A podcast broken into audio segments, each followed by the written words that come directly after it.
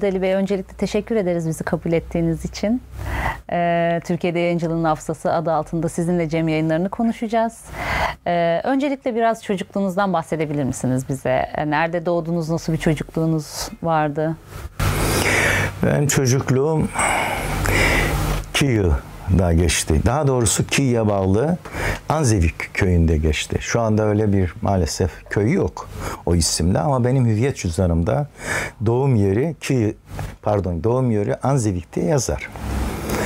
E, doğum yerim orası.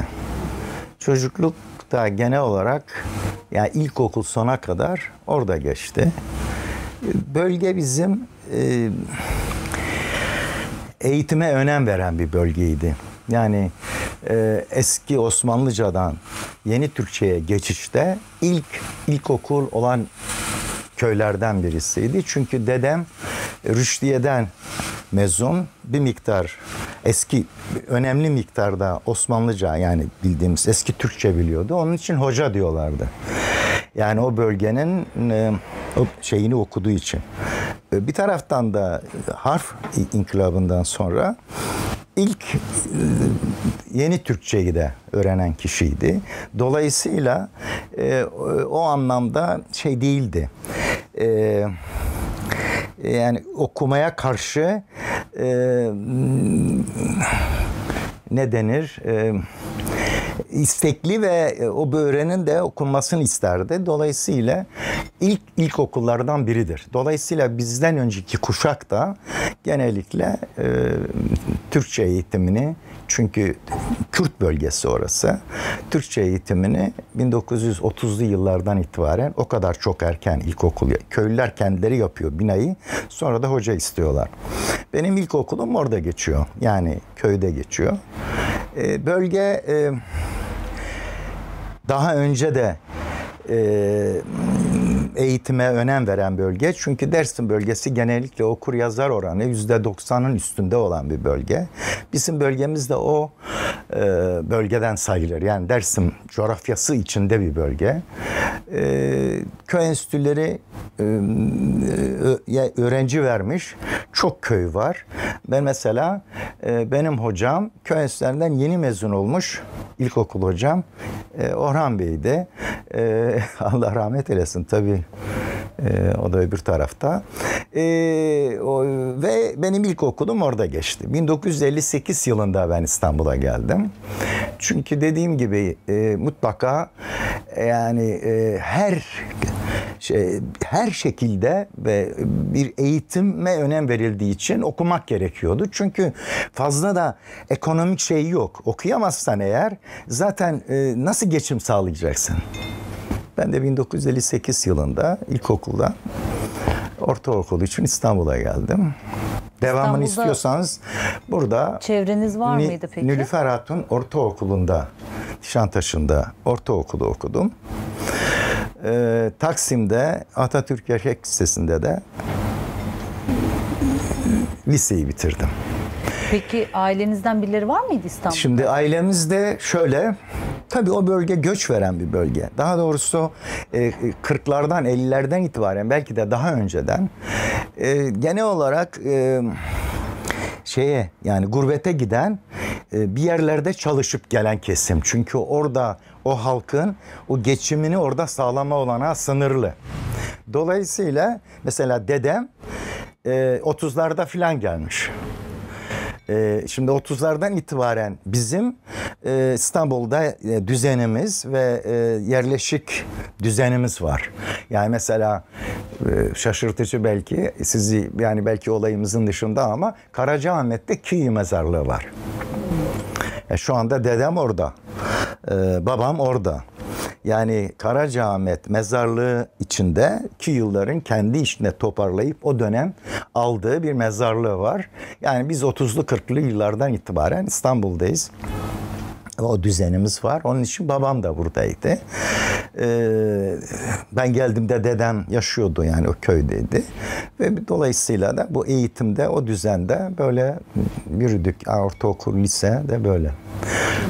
Yani lisede ilginç olan bir şey, belki liseyi konuşuruz bilmiyorum sorunuzun içinde var mı? anlatacağımız şeyler olur. Yayın evine nasıl geçiş oldu filan. O öyle geçti. Yok evet. devam edebiliriz. Siz aynen bu şekilde devam edebilirsiniz. Mesela liseye kaç yılında liseye başladınız? 65. Tabii 65. 66'da bitirdim pardon. Yani 59 63 e, ortaokul, 63 66 lise, 66'dan itibaren de üniversite yaşadım. Yani lisedeki e, e, özellik lisede Vedat Günyol benim Fransızca hocamdı. Rauf Mutluay benim e, edebiyat hocamdı. E, Böyle şanslı bir hocalarla tanışmış oldum. Tabii bu aynı zamanda benim de yapılandırmış oldu.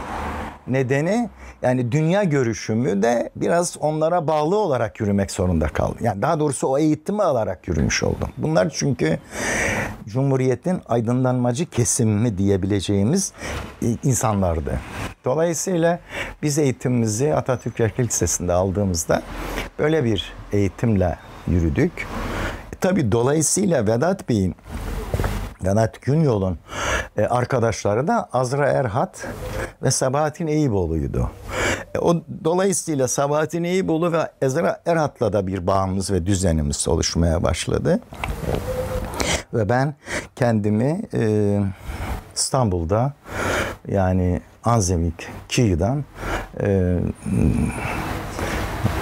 Nişantaşı'nda, Taksim'de, Atatürk Erkek Lisesi'nde bu aydınlanmacı dediğimiz e, grupla birlikte yaşamam şekillenerek yürümeye başladı ve e, öyle de zaten yayıncılığa öyle de bulaşmış oldum.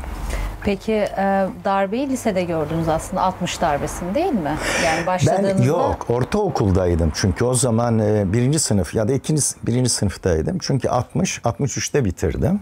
Ben 1960 darbesini sonuç olarak e, yani ilkokul öğrencisinin böyle bir hayacıyla hayaliyle yani kavrayarak tabii değil hiç bilmiyordum ne olup bittiğini.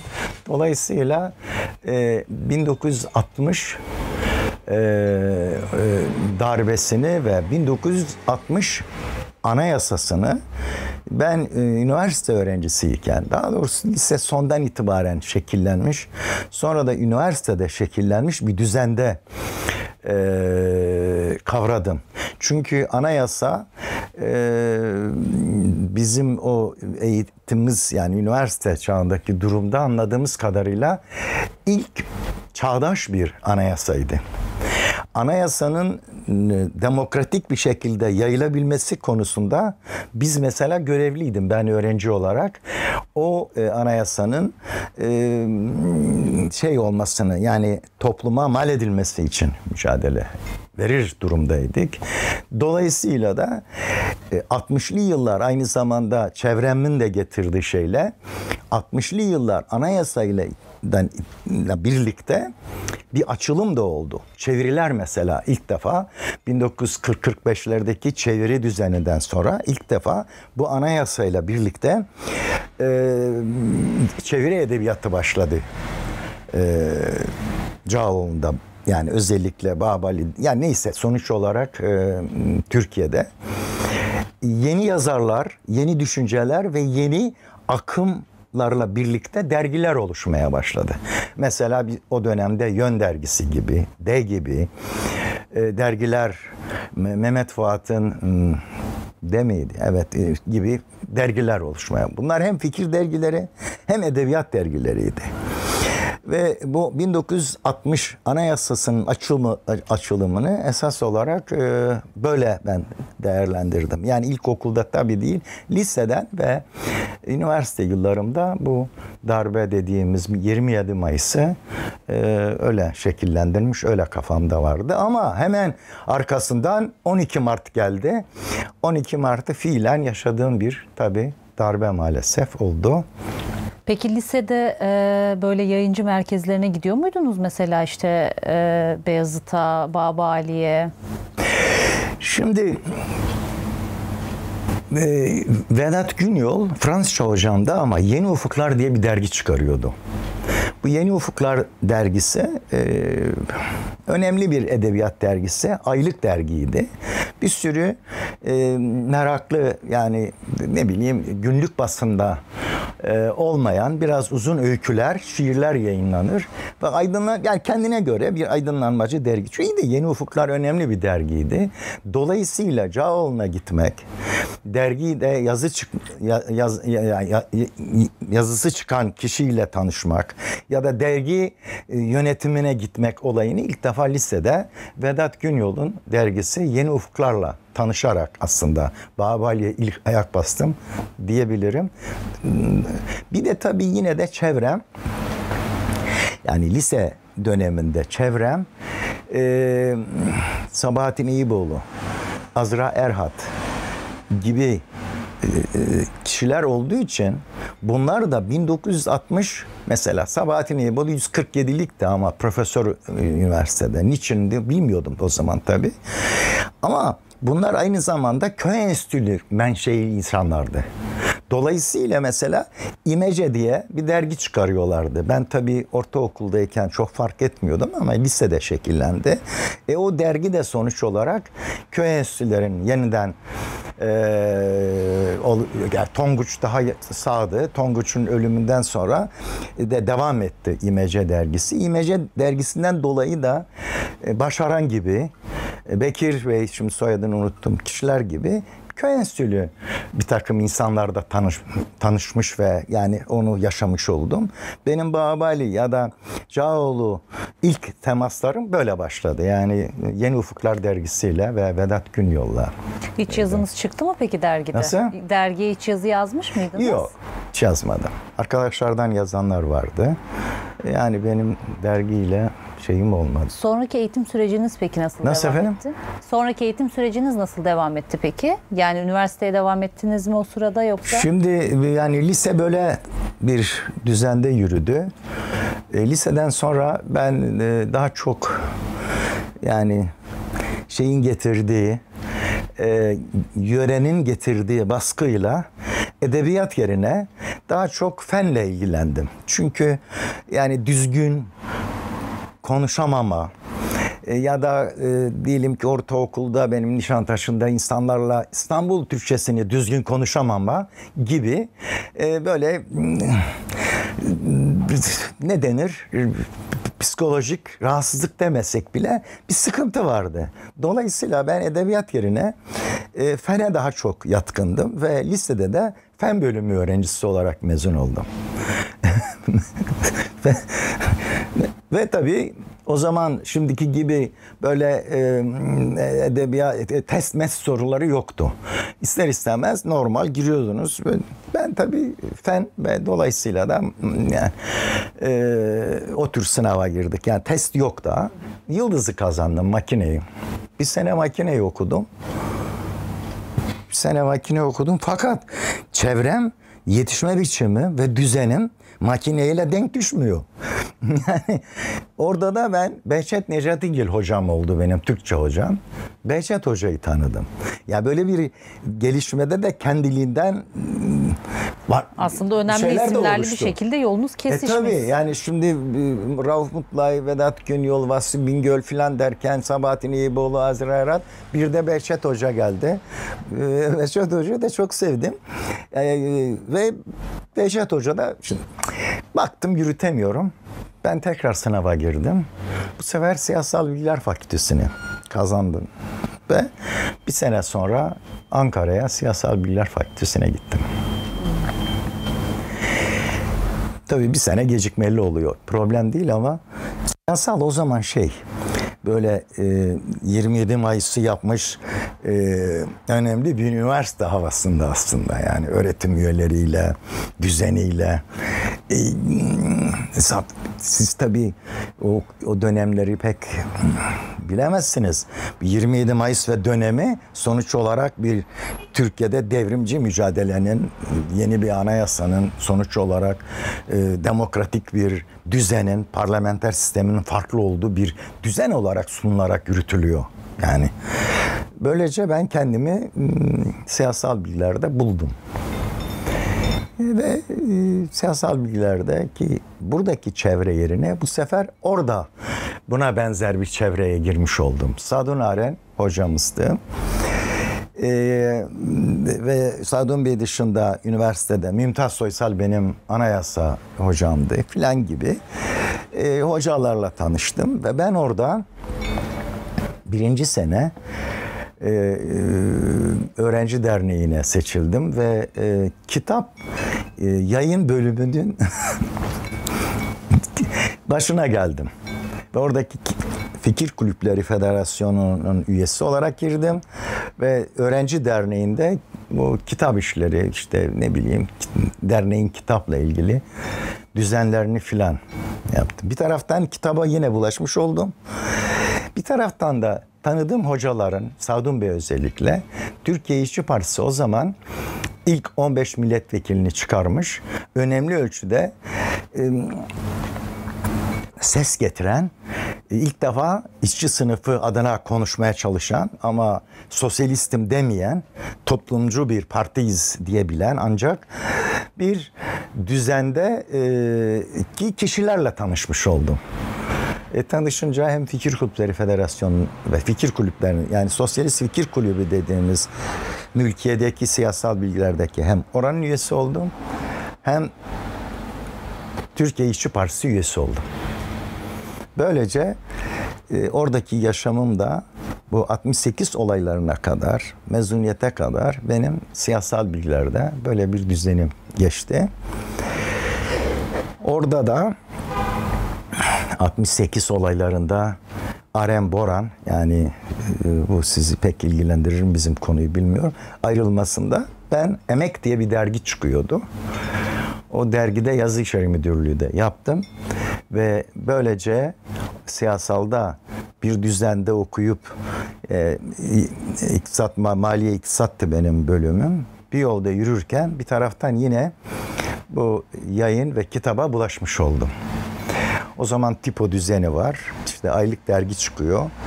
Ee, dergi de burada şu mesela bir tanesi.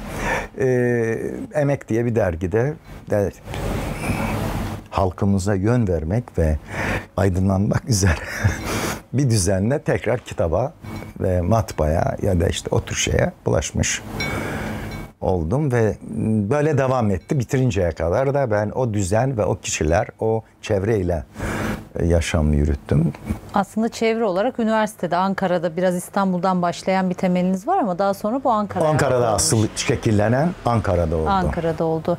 Peki neler okuyordunuz mesela orada? Yani hem fikir kulüplerinde hem de işte bulunduğunuz ortamlarda. E şimdi o zaman o da okumak şöyleydi. Biz tabii ders mers dediğimiz olay e, tabii Türkiye'yi nasılsa kurtaracağımız için ileride ders daha sınırlı ama şu bizim şeyimizdi yine de. Yani küçük burjuva aceleciliği yapmanın alemi yoktur. Gelecek nasılsa bize aittir ama dersimizi mutlaka sınıfımızı geçmemiz gerekiyor. Derse önem vermemiz gerekiyor. Yani profesyonel devrimciliğe karşıydık biz. Öyle lüzumsuz yere kırdı mırdı çarptı o tür şeyler bizde yoktu. Çünkü disiplinli bir partiydi. Türkiye İşçi Partisi ve bir de birinci Türkiye İşçi Partisi. Bir de ne olursa olsun sonuç olarak orada eğitimli, düzeyli insanlar vardı açıkçası. Dolayısıyla biz şey olaylarına karışmadık. Yani karşıydık. Öğrenci olayları, işte iş, işgal gibi, bilmem ne gibi olayları mümkün olduğu kadar dışında kaldık.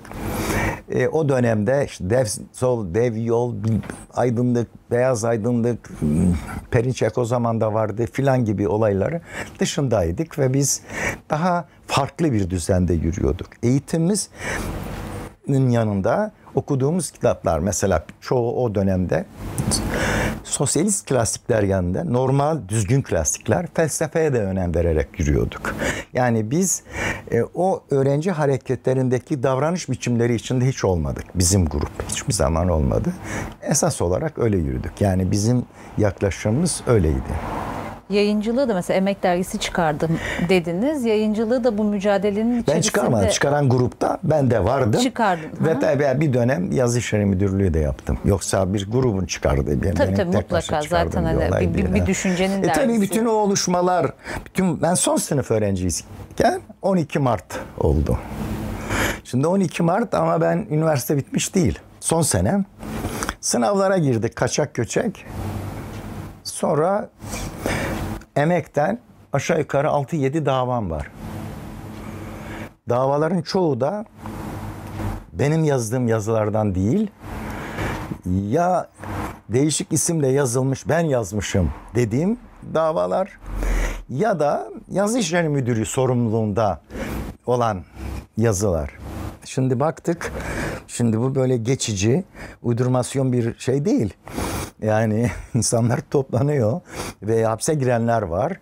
Çünkü biz o zamana kadar böyle edebiyata, yazıya, çiziye, dergilere bir darbenin, bir e, toplanmanın gelebileceğini doğrusunu isterseniz pek düşünmüyorduk. Yani geçici bir olay. Bunlar iktidarı almak ya da iktidarı vermek konusunda bir mücadeledir ama yani geçer. Biz yine aynı şekilde aynı düzende yürürüz. Fakat baktık durum öyle değil. Ben onun üzerine bitirir bitirmez şeye geldim, İstanbul'a geldim. Hatta kaçak gibi geldim. Tabii o zaman şey yok. Böyle hüviyet cüzdanı kimlik numarasıyla ya da böyle dijital ortamda bakma yok. Herhangi bir şekilde trenle mesela çok da bakılmadı. Bakılsa da zaten anlaşılmıyor. Aranıyor mu ya da davası var mı yok mu? Öyle bir şekilde İstanbul'a geldim. İstanbul'da geldim ama İstanbul'da tamam durum iyi. Ee, yani rahat çalışamazsın. E peki bu arada ben yurt dışında doktora yapmak için ekonometri filan okumuştum. Tuncer Bulutay hocamdı filan.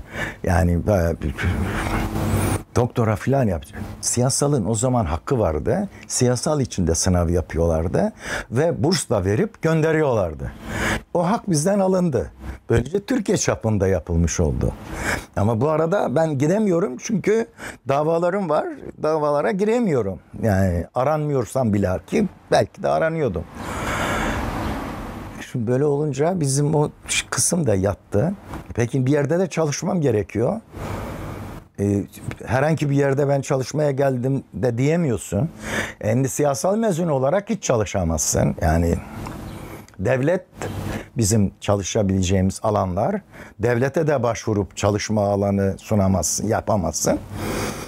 İşte o zaman Cağoğlu'nda Cem Yayın Evi'ne girdim. Cem Yayın Evi'nin sahibi Oğuz Akkan'ı ben e, bu İstanbul'daki yaşantı biçiminden e, bir şekilde tanımıştım. Nasıl tanımıştım? Sabahattin Eyüboğlu 1900 pardon e, Sabahattin İyiboğlu e, Azra Erhat ve Halikarnas balıkçısının Mavi Yolculuk diye bir e, düzenleri vardı. Yani her yaz yani ikinci, üçüncü yolculuktu benim de katıldığım. Mavi yolculuk yaparlardı. Ben oradan Oğuz Akkan'da katıldığı için Oğuz Bey'i tanıyordum. Ama Mavi Yolculuğa nasıl katıldım? Geriye dönelim. Ben üniversitede son sınıf öğrencisi ya da üçüncü sınıf öğrencisiyken Sabahattin Bey Mavi Yolculuğa gidiyoruz sen de gel dedi. Ben Ankara'dan İzmir'e geldim. İzmir'de o zaman şey otobüsler vardı. Önü uzun, arka tarafına eşyalar konan bir böyle minibüs, otobüs gibi bir şeyle binip Bodrum'a gittik. Bodrum köyde. Yıl 1966.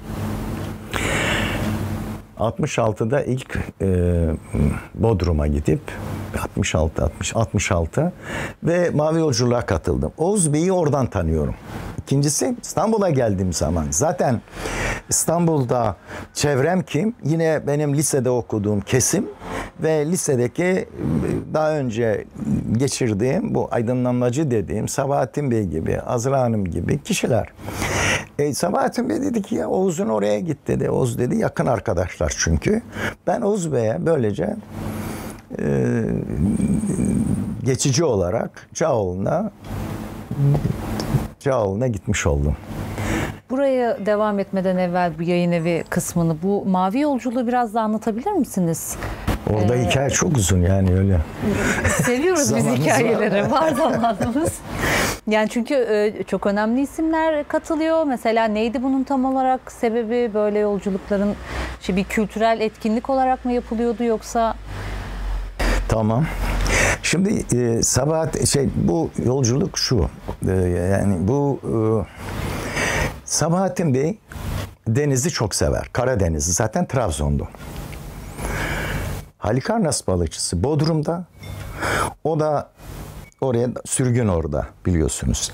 O da sürgün olarak Bodrum'da. Bodrum bir köy. Sürgün yeri. Şimdi bunlar görüşüyor ama artık son dönemlerine doğru rehberlik yapmaya başlıyor. İyi de dil bildiği için. Cevat Şakir dediğimiz Ali Karnas balıkçısı. O bir düzende öyle. E şimdi Azra Hanım, Sabahattin Bey filan onlar görüşüyorlar. Tabii yakın dostları. Kendi aralarında düşünüyorlar. Diyorlar ki ya biz bir mavi yolculuk yapalım. Yani bir tekne tutalım. Bir yerden bir yere gidelim filan gibi. Fakat ilk tekneyi İzmir civarında bir yerden alıp yapıyorlar. İsmi de Macera galiba. Tahmin ediyorum onda Sabahattin Ali de var. Yani tam şey ve böyle bir biraz solcu grup biraz böyle deniz, denizde kendilerini yaşamak ama ilk dediğim bu 1950'lerin başında 40'larda bu dediğim ilk olay. Fakat bir daha yapılmıyor.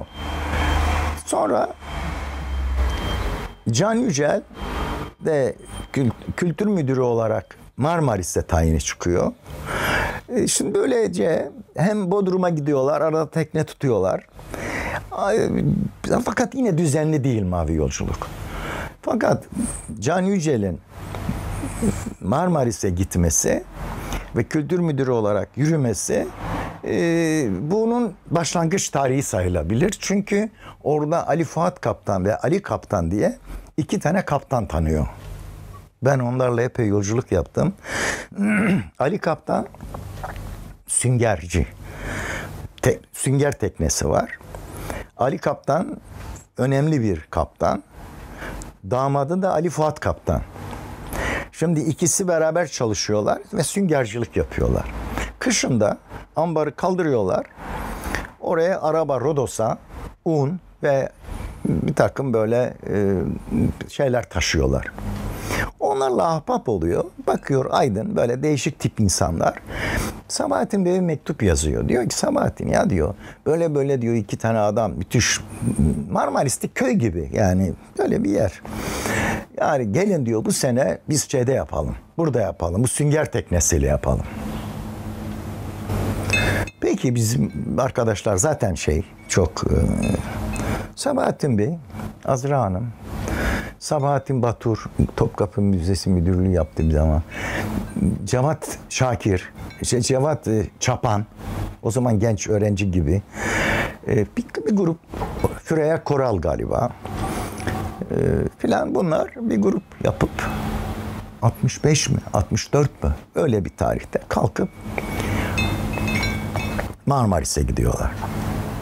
E Marmaris'e gidiyorlar. Marmaris tabi böyle yollara sahip değil. Yani bayağı bir macerayla Marmaris'e gidiyorlar ve ilk mavi yolculuğu Hürriyet teknesi, teknenin ismi Hürriyet, Hürriyet teknesiyle mavi yolculuk yapıyorlar. Sonra bu gelenekleşmeye başlıyor. 66, 67 böyle devam etti. Ben 66'da katıldım. İşte öğrenciyken e, katılıp işte mavi yolculuğa ilk katıldım o. Ee, ben 73'te Sabahattin Eyüboğlu vefat etti. Ben her sene katıldım. 73'ten sonra Azra Hanım da çok bu işi yürütmeye başladı. 73 80'li yıllarda 83 84'lerde Azra Hanım kaybettik. Ve tabii katılanlar oldu, ayrılanlar oldu. Ayrılıp yeni şey kuranlar da oldu. Ben bu sene dışında her sene gittim ve yürüttüm o mavi yolculuğu. Bu sene işte bu pandemiden, pandemiden dolayı. Şimdi mavi yolculuğun esası ruhu neydi? Birinci ruhu bir defa bugünkü tekneler gibi tekneler yoktu. Yani sünger teknesi ya da işte yük taşıyan tekne. E, e, tek, bir mutfak gibi bir yer var. Su akıyor.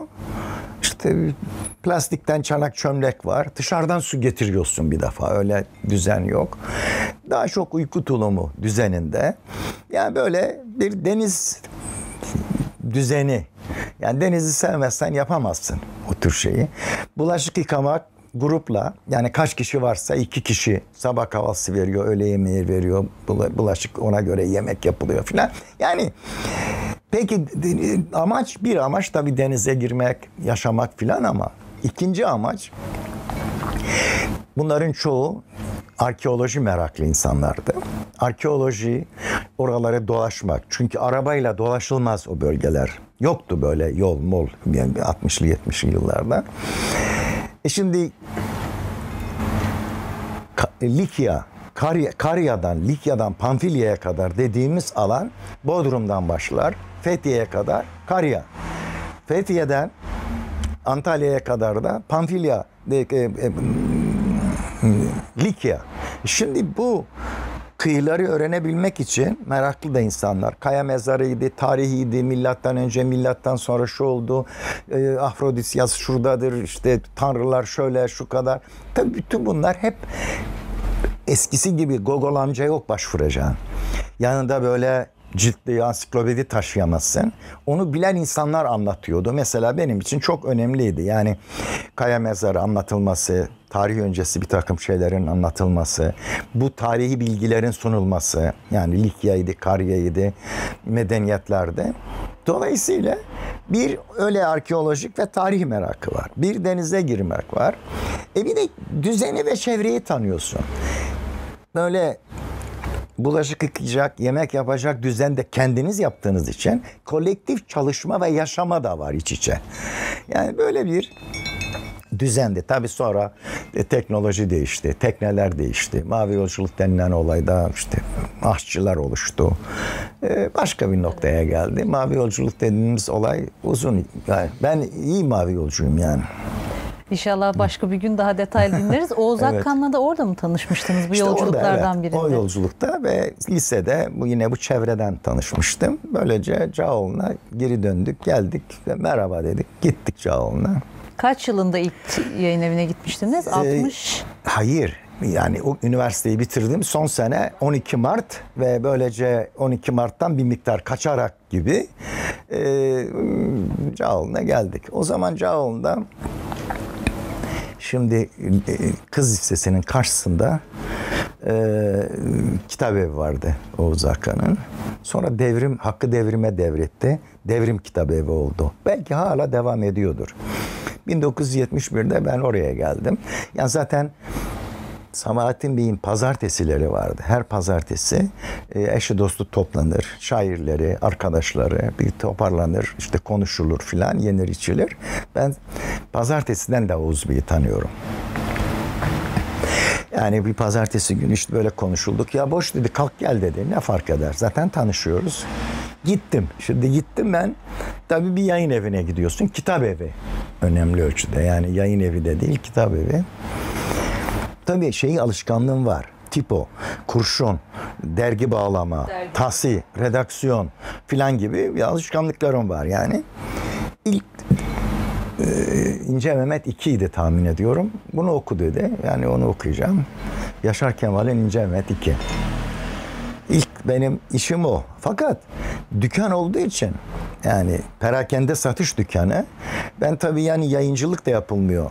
Genellikle Cağoğlu'nda gelenektir. Bir taraftan yani yayıncı olan kişi dükkan sahibi aynı zamanda. Hatta biraz daha eskiye giderseniz aslında matbaacıdır. Ve matbaacıların da büyük çoğunluğu aslında Ermeni vatandaşlarının yürüttüğü matbaalardır. Yani hem matbaa var, arkasından işte bir dükkanı da var. Yani böyle bir düzendir. E biz benim zamanımda 70'li yıllarda artık matbaa değil, dükkan var aynı zamanda yayıncısın. Böyle bir düzene ben 1971'de yetiştim. Ve 1971'de geldim. Gayet böyle bir düzende. Ama o arada bir fıkra anlat. Fıkra değil de bir, bir şey anlatayım size. Geldim birinci gün. Dağlarca, Fazıl Üstü Dağlarca. Geldim merhaba tanışmıyoruz. Yani uygun bir yerde cadde üstü kız lisesinin karşısında da yer. E, epey eş dostu vardı. Eş dostu da gelip gidiyordu. Oğuz Bey'in. Yani Oğuz Bey çok da şey, yani misafirperver, insanlarla saygılı, eski gazeteci olduğu için e, sonuç olarak yani e, muhabbeti filan da seven o camianın insanlarından biriydi. Fazıl Bey geldi. Ben tanımıyorum tabii. Tabii erkelene çay içer misin, bir şey içer misin diyorsun. Hancı var, handan söylüyorsun, çay geliyor. Yani dedim ki işte ben dedim siyasalda dedim bitirdim. İşte bir bir geçiş dönemi yaşıyorum. İşte sınavlar olacak. Ben işte yurt dışına doktor öyle şeyler düşünüyorum ama Oğuz Bey'le biz Sabahattin Bey'den Abi yolculuktan tanışıyoruz. Dolayısıyla da işte şimdilik geçici olarak böyle yardım ediyorum filan. Böyle baktı baktı. Ben sana bir şey söyleyeyim dedi. Bu yokuşu çıkan daha inmemiştir dedi. Sen dedi bırak onları sen burada öleceksin dedi. Ben, tabii içimden gül, gülümsedim yani. Böyle şey olur mu ya? Ben gideceğim diyorsunuz. Yani olacak iş mi yani? Dedi yani, yani sen dedi burada daha inemezsin dedi yani artık. Bulaştım bir defa. Ve birinci olay o. Yine orada ilk günler bu. İkinci olay Halil Lütfi dördüncünün hanındayız. Halil Lütfi dört, dükkan onun yani hanında. Halil Lütfi dördüncü hiç tanımam. Fakat o arada şöyle şeyler oluyor. E, hamal geliyor, hamala yüklüyorsun. E, kitap gidiyor, kitap geliyor filan. E, hamal o zaman iki buçuk lira bir sırt hamalın şeyi. Ben de orada üniversite bitirmiş genç bir insan olarak kaç lira dedim? iki buçuk lira. Üç, üç tane sırt getirmiş yedi buçuk lira vereceğim. Ta çıkardım verdim gitti. Sen dedi yeni mi geldin buraya Halil Lütfi dördüncü? Evet dedim. Bak dedi ben sana bir, bir numaralı ders vereyim dedi. Buyurun dedi. Bir defa dedi. Sen dedi çıkarıp anında adamın parasını verdim vermeyeceksin. Çünkü adam terli. Adam yorulmuş. Verdiğim bu 7 liraya, 7,5 lirayı, 3 arkalığı küçümser. Halbuki sen cuma günü gel desen ki zaten gelenek odur. Cuma günü gel diyeceksin. Ödememiz cuma günü. Teri azalmış. Yorgunluk bitmiş. Acaba alır mıyım, almaz mıyım diye de düşünür. Gelince verirsen parasını bir de teşekkür eder gider. İkinci de bu. Halil Lütfi dördüncü çok cimri bir adamdı. Yani hep anlatılır Halil Lütfi dördüncü cüyü yerine nokta koyarmış. Yani o kadar. Şimdi yani e, çok farklı bir adamdı. Yine bana ikinci ders. Ampul atmayacaksın diyordu. Niye? Ee, Lütfü Bey. Ampul, ampul vardı eskiden. Şimdi hala var ya. Ampul atmayacaksın. Eğer ampul sönmüşse bırakacaksın. Tekrar takacaksın. Takarken bak böyle salla o tel var. Tel gider yapışır. Yine sen bir ay kullanırsın onu. Eğer o da olmazsa, iyice tel düşmüşse ampulün içinde bir teller vardır yani öyle salla diyor yapışır yanar. O zaman koy köşeye bana ver. Öldüğü zaman alt tarafta kurşun ve bunlardan kaç tane hanı vardı dünya kadar sarı. Çünkü dibinde sarı var. O sarıları toplardı. Sarı toplayan eskiciye satardı. Yani e, Halil Lütfi dördüncü Tan apartmanının sahibi aynı zamanda. O Tan olaylarında Tan olaylarında e, tam patlama gazete patlıyor bilmem. Koşa koşa gidiyor Haluk Yetiş o zaman müdürü. Diyor ki bizim makinelere bir şey oldu mu? Haluk Yetiş anahtarı teslim ediyor. Ben bir daha yokum diyor. Evvela ölen var mı diye sorulur diyor. Yani makinelere bir şey oldu diyorsa öyle ayrılıyor Haluk Bey. Haluk Yetiş Karaca Offset'in sahibi. Yaşadım onları da birebir yani. Neyse biz yine gelelim şeye. Cem yayın evi. Cem yayın evine. Cem yayın evi girişim benim böyle. Ve böyle devam etti. Ee, ne kadar? 6 ay kadar filan. Sonra e, dükkanı e, tabii daha heyecanlıyım. Ben de bir sevmeye başladım. Zaten yayın, kitap filan da seviyorum. Dükkanı Hakkı Devrim Bey'e verdik. Devrettik. Görsel Han'ın bulunduğu vilayetin altındaki hana o zaman Karaca Offset vardı. İkinci katı boşalıyordu. Karaca Offset'in alt tarafta matbaa vardı yine. Üst katta da ONK vardı. O copyright ajansı. Oraya biz cemiye ev olarak taşındık. Dükkan işini bıraktık. Gerçek yayıncı olarak 72'den itibaren orada yürüdük. Peki e, bu bahsettiğiniz tarihten evvel bir kitap basmış mıydı Cem Yayın Evi yoksa Tabii. kitap evi olarak mı Hayır devam kitap ediyor? var. 1964. 64 değil mi kurulmuş? 1964'te o zaman Sartre'ın e, Hürriyetin Yolları diye bir üçlüsü var. Akıl çağı, yaşanmayan zaman, e, yıkılış. Bu üçlü Cem Yayın Evi bastı ve o senede 1964 Nobel almış. Ben yokum o zaman. Ben 71'de geldim. O ve o kitapla başlıyor. Ben geldiğimde 10-15 kitabı vardı yayın evinin. Ivan Denisovich'in hayatından bir gün. İşte m, Drehman'dan m, Yargıç ve Celladı filan gibi. Böl'den Henry Böl'den bir iki kitap. Nobel ağırlıkta birkaç tane böyle kitabı vardı. Epey kitabı vardı. Yani 8-10 belki de daha fazla. İşte Yaşar Kemal'in İnceme'de iki basıyordu. Bir vardı. E, Türk yazarlarına da girmiş. E, önemli ölçüde epey bir kitabı vardı. Yani kitap evi beraber yayıncılık yürüyor. Akşamdan da ayrılmış, gazetecilikten de ayrılmış bir düzendeydi. Ama artık biz perakende dükkanını bırakıp Ankara Han'da e, vilayetin altındaki e, yere taşınmış olduk ve yayıncılık esas olarak orada başladı. Başlamasıyla benim de orada kalmam beraber oldu. Çünkü zaten davaların bir kısmında yargılanıyordum. Durum nedir takip edemiyorum. Bir taraftan o hak alındığı için yani siyasaldan o genelleştirildi, bütün Türkiye'ye verildiği için sınava da giremiyorum. Ve Ecevit afına kadar ben yayın evinde kaldım. Zaten Ecevit afına da geldiğimizde zaten köprülerin altından çok sular geçmiş. Başka bir Türkiye, başka bir düzen oluşmuştu. Benim de öylece devam etti.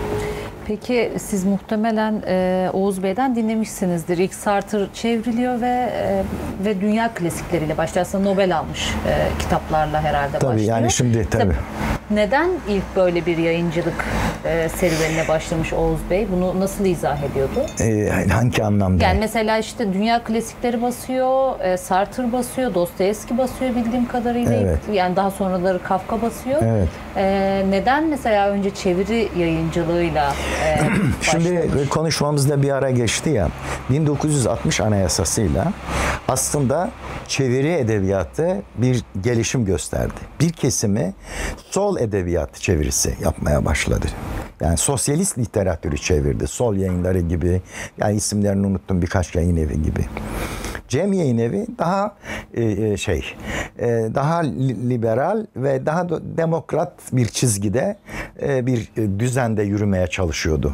Tipi de yani düzeni de yaklaşım biçimi de bizim ben de öyle yürüttüm zaten. Bir daha politikayla hiç ilgilenmedim. Bu bu düzende yürümeye çalıştım. Bu düzende yürürseniz o zaman tabii ki klasiklerle başlamak ya da Nobel Edebiyat Ödülü alan kişilerle başlamak iki bakımdan önemli. Bir, satış şansı daha fazla. İki, e, mesela Nobel Edebiyat Ödülü almış diyorsanız bir, referanstır sonuç olarak. Yani e, hele yakalayabiliyorsanız günü gününe ya da bir sene içinde çünkü eskiden o copyright ajansı yoktu. Dolayısıyla ajans yoluyla o hak alma da yoktu. Ee, UNESCO'nun tanıdığı bir hak vardı Türkiye'ye. Bir kitabın üstünden 10 sene geçmişse basabiliyordun. Yani geçmese de kimse dava edip yani şeyi yok, bandrol yok, düzen yok, yapı yok. Onları takip etmek önemliydi. O bakımdan klasikler ve Nobel'le başlaması hem kolay hem daha şanslı hem de düzgün bir çizgide yürüyebilmeniz için yani e, çizgi koymanız lazım. Yani Nobel, klasik, çağdaş dünya klasikleri, antoloji, Türk yazarları böyle isimlerle yürümek zorundasın. Zaten öyle yürümeye başladı Oğuz Bey'de. Türk yazarları dediğim gibi işte Yaşar Kemal, Aziz Nesin'in Zübük filan gibi kitaplarla başlamıştı ve başlamaya devam etti. Türk yazarları daha sonraki yıllarda epey de çoğaldı. Neredeyse bütün Türk yazarların büyük çoğunluğu Cem Yayın Evi'nden geçmiş oldu. bu çevirilerin etkisinden bahsettiniz. Peki Nasıl efendim? e, bu çevirilerin daha özellikle darbe sonrası, anayasa sonrası e, çevirilerin çok fazla arttığını ve Türkiye'de de hani bir- birçok cenahta yapıldığını söylediniz. Bunun peki kültür veya düşünce alanına nasıl bir etkisi ya da katkısı Bence oldu? önemli bir katkısı oldu. Yani e, çünkü şey e, daha önce devlet tarafından 1940'lı 45'li yıllarda çeviriler yapılmış ya da belli bir düzende yürütülmüş. Sonra 50'li yıllardan itibaren önemli ölçüde bu azalmış ya da e, yani devlet destekli o yayın büyük ölçüde yayınlayamaz duruma gelmiş ya da yayınlanamamış. Şimdi 60 anayasasından sonra bir dünyaya açılma söz konusu. Onun için mesela ilk defa sosyalist literatür çevriliyor. İlk defa dünya klasikleri tipi çevrilmiş belki 40'larda 50'lerde ama çağdaş çevirilerde yapılıyor. E şimdi o dönemde sınırlı yayın evleri var. Yani çağdaş yayıncılık dediğimiz olay da 60 anayasasıyla başladı. Çünkü daha önce kitap ya şey var. kitap açacağı diye bir şey vardı. Niye kitap açacağı var? Çünkü şimdi kitap açacağı var mı? Niye var? Kitap önden yırtılacak ki kişi okuyabilsin. Tranş atılmazdı kitabın ön tarafına. Kromolüks kapak yoktu. Düzgün baskı yoktu. O zamanın yayın evleri gelenekten gelmiş bir yayın evi düzeni. Yani e, dolayısıyla 1960 anayasasıyla hem kitabın şekli mesela E yayınları, May yayınları, Cem yayınları, e, Bilgi Yayın Evi filan gibi e, gün yayınları bir sürü yeni daha farklı bir yaklaşımla yayıncılık da başlamış oldu.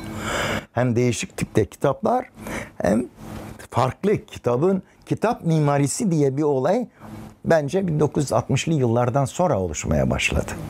Dolayısıyla önemli. Bir de artık şahıslar, bağımsız kişiler, yani kurumlar değil, onlar da artık yayın yapmaya başladı.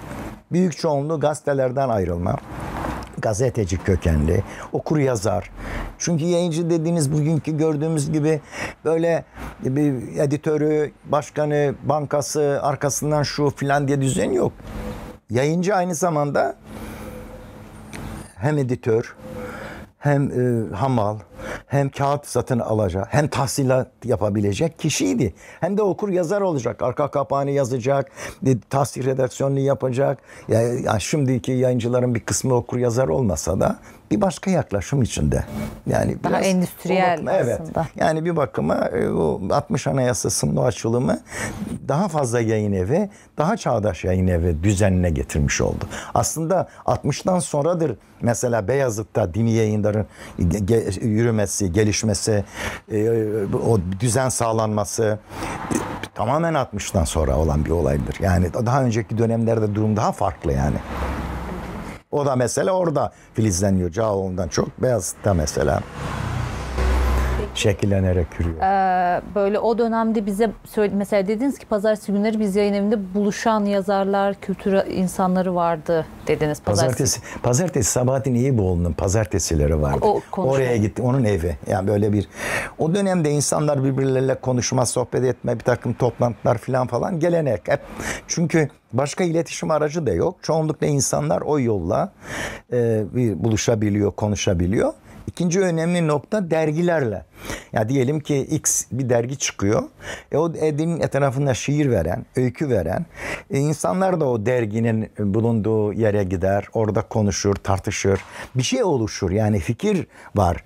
Yani burada değişik fikirdeki insanların dergi etrafında toparlanması bir edebiyat akımı gibi de yürümeye e, devam eder ve yürür. E, maalesef bu Cağaloğlu'ndan gazetelerin ayrılmasından sonra bu da kayboldu. Çünkü gazeteler ek vere, vere- e, vermeye başladı bu edebiyat dergilerinde. Kimse kimseyi tanıyamaz ve böylece de zaten o akımların birçoğu da kayboldu.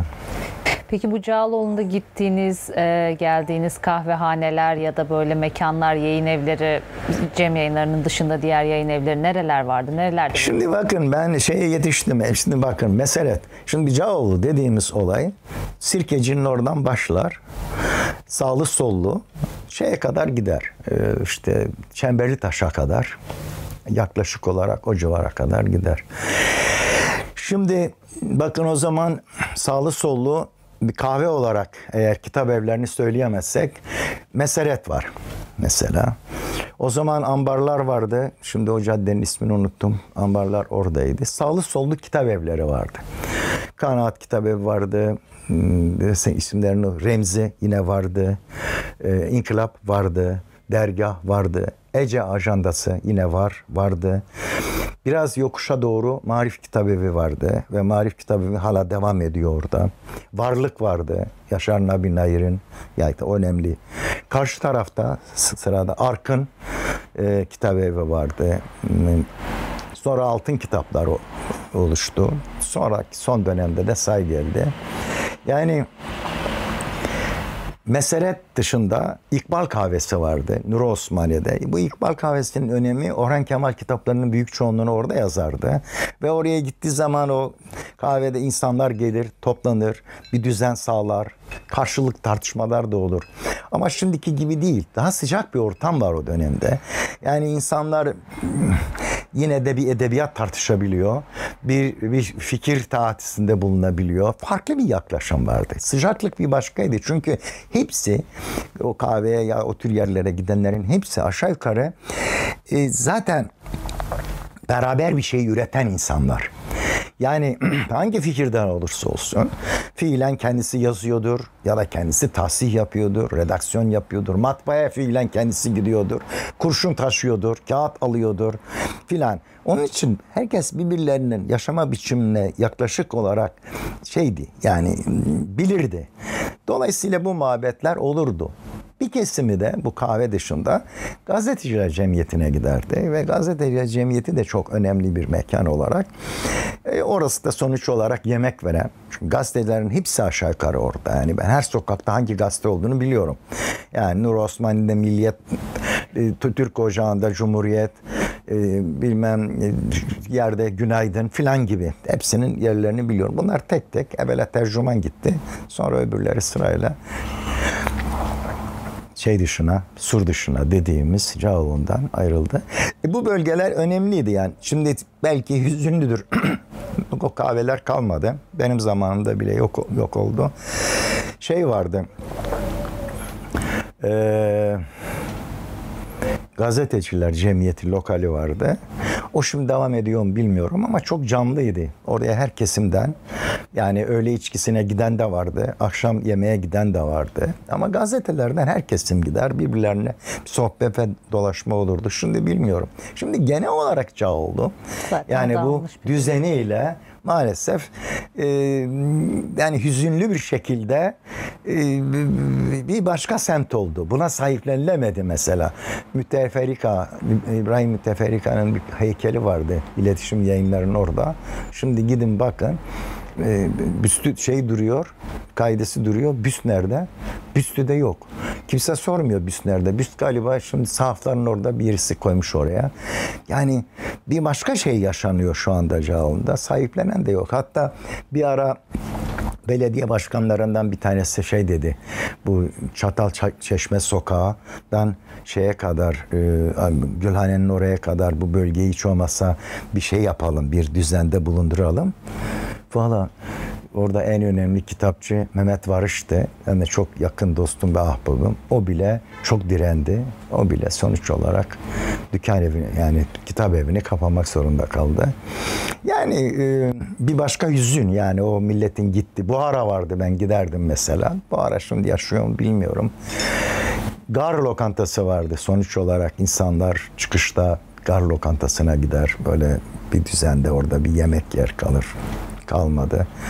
Yani bir miktarda böyle bir hüzün tarafı da var ve sahiplenemedik. Yani bilemezsiniz ben bu kitap evlerinin isimlerini çok daha detaylı bir şekilde anlatırım. Baba Remzi'nin kasasında otururdu Remzi. Remzi devam ediyor ama o çoğu şey kayboldu. Bence yazık yani. Onu muhafaza etseydik ya da bir kısmı hiç olmazsa edilmiş olsaydı bence çok önemli bir yani bir şey bir bölgeyi muhafaza ederek yeni bir kuşağa bir şey sunmak gerekiyor. Maalesef hüzünlü bir bak Praga gidin. Kafka'nın kahvesinde aynı kahve aynı şekilde devam ederek duruyor. Yani Kafka'nın ya da kaldığı ev bir düzen. Ama Kafka'dan hem insanlar yararlanıyor hem de Kafka'ya sahiplenmiş bırak. Ama bizde yokuştan diyelim ki birisi inmiş mi, çıkmış mı, durum ne, kim kim hangi kahveye gitmiş, ne durum ne? Yok öyle bir şey maalesef. Yani biraz böyle hüzünlü bir tarafı var. Ee, peki 80 öncesinde, 80 e, sonrası biraz daha profesyonel yayıncılık oluyor yayıncılar camiasında evet. ama 80 öncesinde bu kitapların dağıtımı, e, dolaşımı nasıl gerçekleşiyordu? Çünkü tirajları çok yüksek, e, çok geniş dağıtım ağlarının olmamasına rağmen mesela hem bunu nasıl yorumluyorsunuz hem de o dağıtım ağları nasıl gerçekleşiyordu? Şimdi 80 öncesi şimdiki gibi kargo düzeni yok. PTT var. Bütün o dönemin yayıncılarına bakın. İşte kitap posta fiyatından daha ucuz bilmem ne filan gibi işte şeyler anlatılır. Bir. İkincisi yine 80 öncesi. Abi SEKA'dan kağıt alamıyoruz. İşte bir türlü çünkü işte kağıt gazetelere veriliyor. Yayıncı sayılmıyor. İşte yine kitabı bastık dağıtamıyoruz. Ama şöyle bir durum vardı. Bateş Bayilik Dağıtım şirketi vardı bir. Nurer Uğurlu'nun GEDA dağıtım vardı. Böyle bir takım e, büyük dağıtım daha sonra oldu. Dergahın dağıtım düzeni vardı. Bir defa dağıtım düzeni vardı. Dağıtım düzeni 80'li yıllarda bugünküden çok daha başarılıydı. Çünkü hepsi sonuç olarak Anadolu'daki kitapçılara ödemeli gönderirlerdi ve kitapçı da ödemeli olarak o kitabı alırdı. Böylece dağıtıma bir para gelirdi başlangıçta. İkincisi yayın evi çıkardığı zaman kitabını diyelim ki 30-40 tane Türkiye çapında kitap evi var. O kitap evlerine kitap gönderir. Yine ödemeli gönderir. Bir para toplardı. İkinci dağıtım böyle. Üçüncüsü Ankara, İzmir, Diyarbakır'da bayilik düzeni vardı, dağıtıcılar vardı. Onlara gönderilirdi. Onlar da kendi bölgelerinde dağıtım yapardı. Yani dağıtım düzeni e, böyle bir düzendi. E, durum neydi? Durum çok farklı değil. Her zaman problem var. Problem şey, ya Türkiye'nin problemi neyse her sektörde yayıncının da pro, pro, problemi ondan farklı olamaz yani. E, esas olarak dağıtım düzeninde aklımda kalan benim size söyleyebileceğim şey bu. 161 163 tamam mı? Bu o dönemin önemli noktaları. Yani benim yaşantım öyle geçti. Tabii. Yani Türkiye'de mutlaka bir şey olması lazım. Yani birileri yayıncı sen ben yayıncının mutlaka bir şeyden korkması lazım. Mutlaka bir madde var. Ya niye? Çünkü yayıncı özgür ve rahat olamadı bir ülkede. Yani problemleri nedir? Yayıncının bilmem şöyle sorular sorulabilir. İşte posta, yok kağıt, kağıt zammı filan. Bunlar hepsi çaresizlikten söylenen şeyler. Bir defa yayıncı dediğin devletle beraber yürüyemiyorsa 141 e, 142 var. Öbür yayıncı 161 162 var. Yani çünkü ya komünisttir ya da kökten dinci şeriat getiriyor abi. Şimdi hep böyle yaşandı ta Özel'e kadar. Bir Özal döneminde 141 140 Komünist Partisi var. Türkiye yine devam ediyor. 161, 162 mi? Ben o maddeleri tam bilmiyorum çünkü çok yaşamadım. E şimdi Türkiye yine devam ediyor. Bir şey olmuyor yani şimdi. Ama hep öyle yürüdü. Yani bu Özal dediniz. Ee, yani onunla ilgili de bir girişimiz var aslında. Ee, Özal'da ne değişiyor tam olarak yayıncılar için? Yani Özal'a gelene kadar mutlaka hepimizin korktuğu bir madde var dediniz ama evet, komünist... öz, yani herkesin korktuğu bir madde vardı dediniz. Hem sağın hem sol e, evet, cenahın. Yani işte zaten maddelerin isimlerini söyledim. Evet. E o dönemde bir miktar bitti. Çünkü Sovyetler yıkıldı. Nasından sonra komünist meselesi ya da komünist olmak, Türkiye'nin o iş bitti. E bitince şimdi aslında aslında 80 sene yürütülmüş ille şeriat gelecek olayı da beraber kaldırılmış oldu. Böylece o iki kesim de rahatlamış oldu. Yani boşu boşuna o insanlar dramlar yaşadı, hapse girdi, kitaplar toplatıldı. Yani evren zamanında bende bir sürü kitap toplatıldı. Ne oldu? Yani Nazım Hikmet'i basıyordum, o da toplatıldı. Şimdi Kültür Bakanlığı basıyor ya da işte ne bileyim oyunu devlet tiyatrolarında oynuyor yani şimdi. E yani o zaman yazık değil mi o insanlar boşu boşuna bir sürü tantana yaşadı o anlamda. Şimdi Özal Özal benim camiamın bir kesimi Özal'ı farklı değerlendirir. Ben farklı değerlendiriyorum. Bence yani dünyaya açılması Türkiye'nin Özal'la yani önemli noktalardan bir tanesi diyelim ki 1950 ise bir noktası da e, Özal ve dönemidir. Yani ben mesela ne bileyim yani biraz politik oluyor ama e, 50 e, o zaman şey vardı markla yurt dışına gidip yakalanıyordun ya da dışarıda bir sigara alırsan yani kaçakçı oluyordun filan. Onlar hepsini kaldırdı. Türkiye yine bir şey olmadı. Ve böylece para birimi farklı bir noktaya geldi. Bir defa önemli noktalardan bir tanesi o. Yayıncılık konusunda Özal'ın özel bir durumu vardı bilmiyorum ama Özal en azından tahammüllüydü. Yani Özal zamanında daha fazla Gırgır dergisinden tut bir sürü mizah dergileri vardı. Hepsiyle birlikte düzenli yürürdü ve hepsiyle de gayet keyifli bir düzende yürüdü. Yani biz mesela Özal döneminde o rahatlığı, o e, mizahi düzenin e, şeyini özel zamanda yaşadık ve gördük. Dolayısıyla ben e, şey bir dönem olarak görmüyorum yani. Dilleri bir adım olarak görüyorum o düzene öyle. Böyle Kültür Bakanlığı'nın işte ya da devlet tarafından yayın evlerinden belli bir miktar her yıl kitap alınır. Ee, anlatılarda genelde özel döneminde şey var yani hani bu e, devletin kitap alım e, zemini düşünsel olarak çıkan kitaplardaki işte özellikle o zemin daha genişledi gibi bir e, anlatı vardır. Bunu siz hissedebildiniz mi? Yani işte hükümet değiştikçe sola geçiyorsa sol daha e, sol yayın evleri daha çok kazanıyor. Sağ geçiyorsa sağ yayın evleri daha çok kazanıyor gibi bir yorum ama. Ben inanır mısınız? Hiç yaşamadım bunları. Yani şöyle yaşamadım. Yani hiç devlet benden yani bir bu devletle kültür, kültür bakanlığı düzeninde ben hiç kitap yani o düzene hiç giremedim. Yani o kulvarı yaşayamadım ben açıkçası söyleyeyim. İsmail Cem'in kitaplarını basıyordum ben. İsmail Cem Kültür Bakanı oldu. Ee, müsteşarı da şeydi. Şimdi televizyon neyse. Ee, unuttum. Onun da kitabını basmıştım ben. Neyse İsmail'cim. O zamanda bile doğru dürüst kitap veremedim. Çünkü o zaman da İsmail Bey dedi ki yani tanıyoruz kitaplarını basıyoruz. Ya şimdi kendi yayın evinin kitaplarını alıyor dedi. Dolayısıyla ondan sonraki dönemde belki bir iki defa verdim. Daha çok 2000'li yıllardan itibaren biraz daha düzenli gitti. Yani daha önceki dönemde ben 71'den günümüze kadar e, hiçbir şekilde kütüphaneler genel müdürlüğü ya da kütüphaneler düzeninde e, düzenli bir şekilde hakaniyet gerektirecek bir sistemle kitap verdim hatırlamıyorum.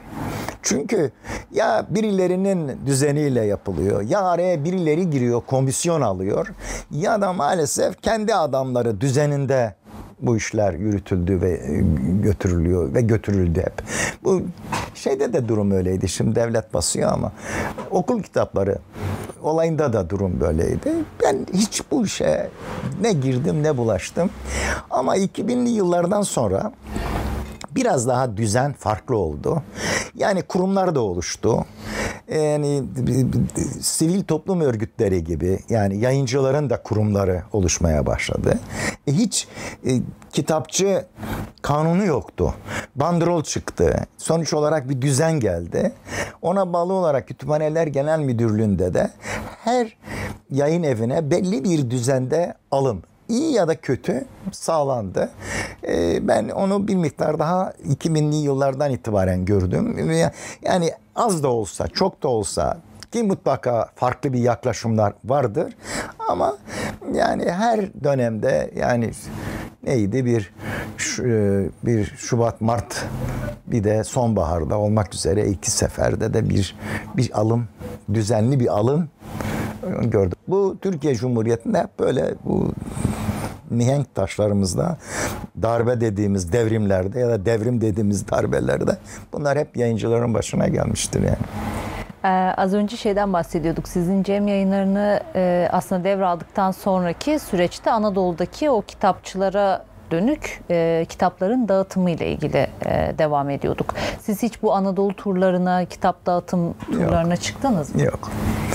Biz hiç o tür ne dağıtım yaptık. Ne. Bir Dada Dede diye bir dağıtım düzeni kurduk kısa bir dönem. Yine İstanbul ve düzeninde yaptık. Yani kelepir dükkanları açıldı. Orada yayıncının elindeki kitapları e, uygun fiyatla alıp e, okura sunuldu.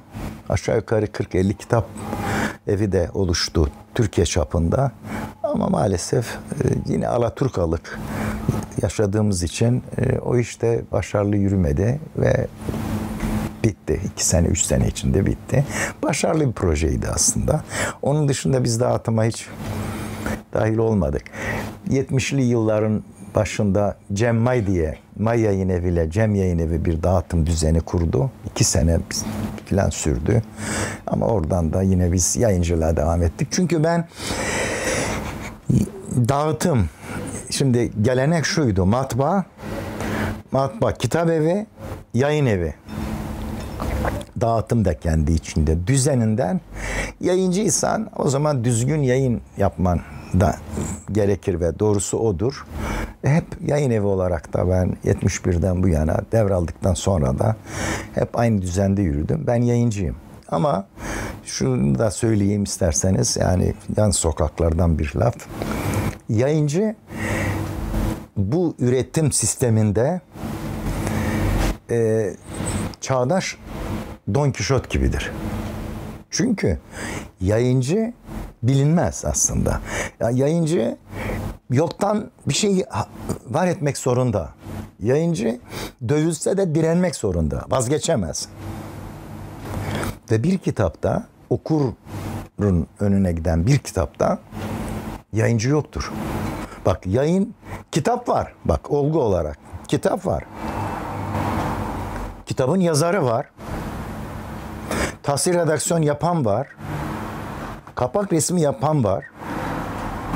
Ama baştan itibaren o kitabı üretmiş. Ha, yayın evinin de ismi var. Yani yayın evi de var. X yayın evi, yayın evi de var. Ama yayıncı yok. Yani o yayıncı hiç görülmez. Yani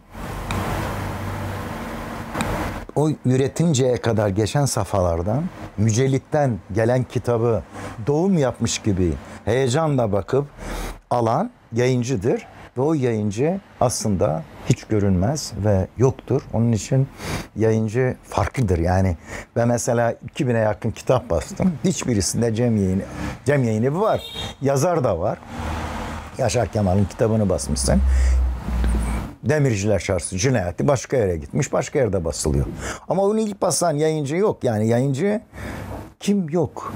O kitapların hiçbirisinde kimin bastığı hiç yok. Onun için yayıncı biraz farklı. Şimdi tabii o değişti. Dijital döneme geçtik. Şirketleşme oldu.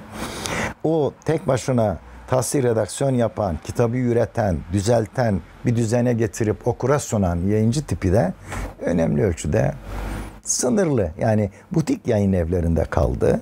Ee, ve o da önemli ölçüde Cağoğlu gibi, daha doğrusu Babali gibi o da bir bakıma tarih oluyor. Yani o yayıncı dediğimiz olay da biraz böyle yani.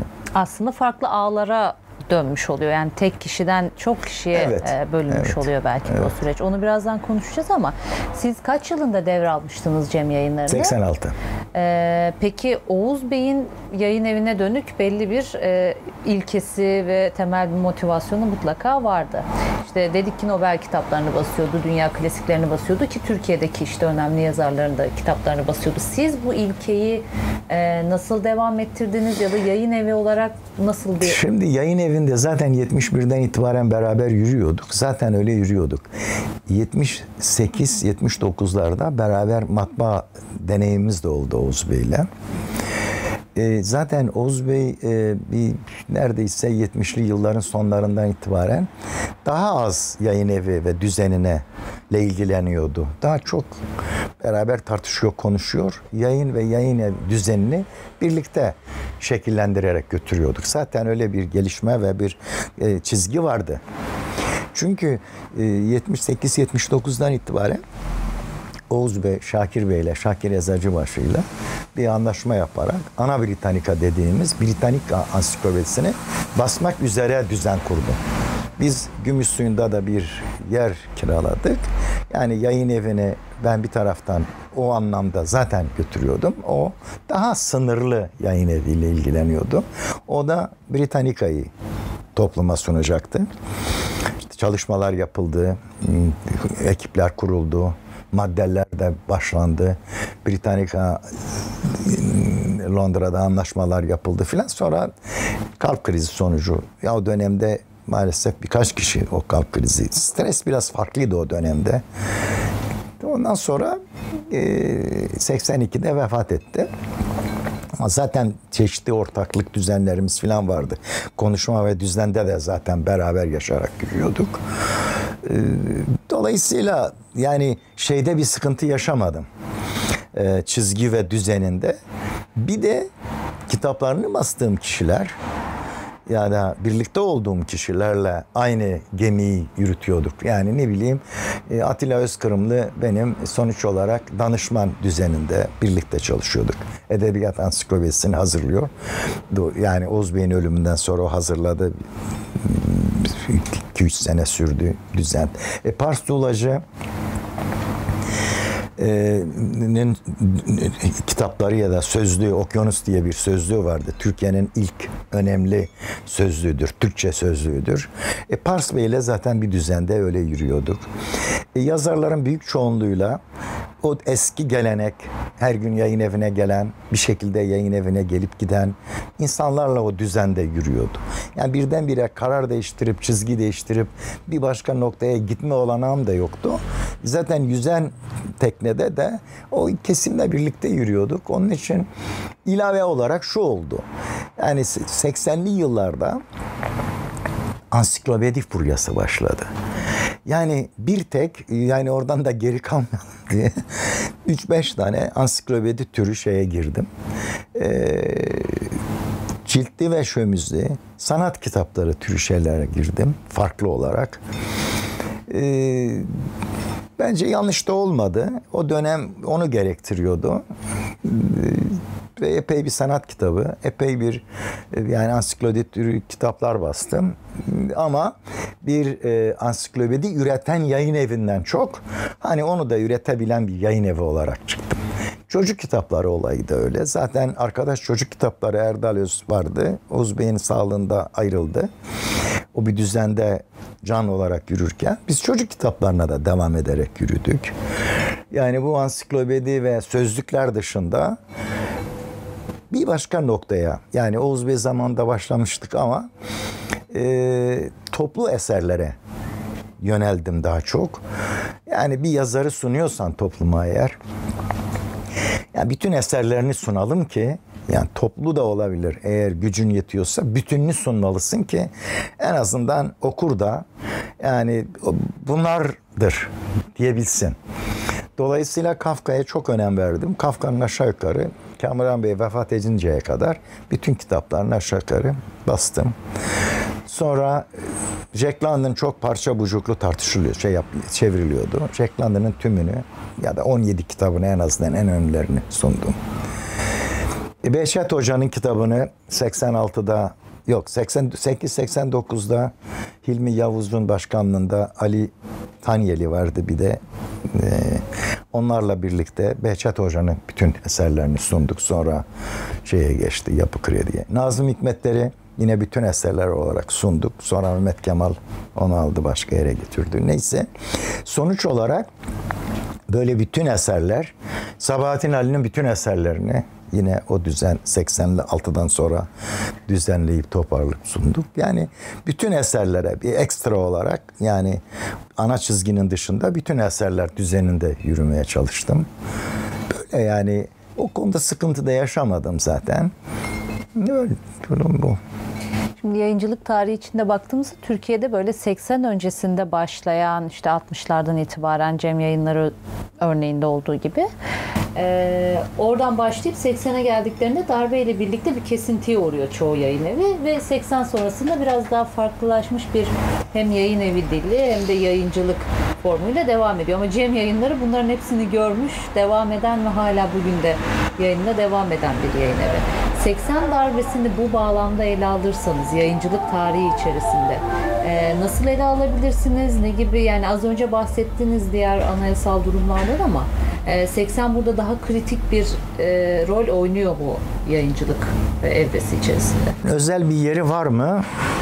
Düşünmek lazım. Ama daha önce de söylediğim gibi bu dönemler, dönemeçler hep yayıncılar için bir e, bir mihenk taş, bir boğulma yeri mi? Ya bir bir kopuk bir düzen var. Yani bu şeyden başlatabiliriz mesela yani şimdi eski Türkçe, Osmanlıca kitaplar şey değişince, Türkçe değişince yani alfabe değişince, Türkçe diye demek yanlış. Alfabe değişince pat diye yayıncılar orta yerde kalıyor. Kime satacaklar? Şimdi kimse diyebiliyor mu ki devlet, düzen yani o yayıncıları korusun. Bunların bir kısmı bir şekilde değerlendirilsin. Bir yerlerde, kütüphanelerde filan bilmem ne yapılsın filan. Yok. Karar alınıyor. E, o yayıncılar kaç yayıncı batıyor? Bilmiyorum ben tarih değilim ama herhalde yayıncıların yarısı o dönemde batıyor. Sıfırdan başlanıyor. İşte bu devam ediyor filan yani işte 60 12 Mart. Şimdi gelelim şeye yani özel söylediğiniz için. Bence hiçbirisi birisinden farklı değil. Birisi birisini biraz daha farklı şu bir kesimi daha fazla dövüyor. Gelen darbe. Yani mesela 15 Şubat'ta benim hiç bağım ilgim yok. Ama 12 Mart'la 12 Eylül sonuç olarak bir şeydir. Bir dayak yemiş söz konusu. Çünkü kitabın toplatılıyor. Yani 12 evren dönemi evren dönemi 12 Eylül'den 12 Mart'tan da daha farklı. Yani daha bir farklı biz e, niye e, şey olduk, kalabildik ya da vazgeçmedik? Dedim ya yayıncı e, aslında e, yoklukla mücadele eden, dirençle yürümeye çalışan Don Quixote'tur dedik ya. E, o Don Quixote'dan yani vazgeçemezsin. Zaten başka iş yapamazsın. E, başka seçeneğin de yoksa e, o dönemi böyle e,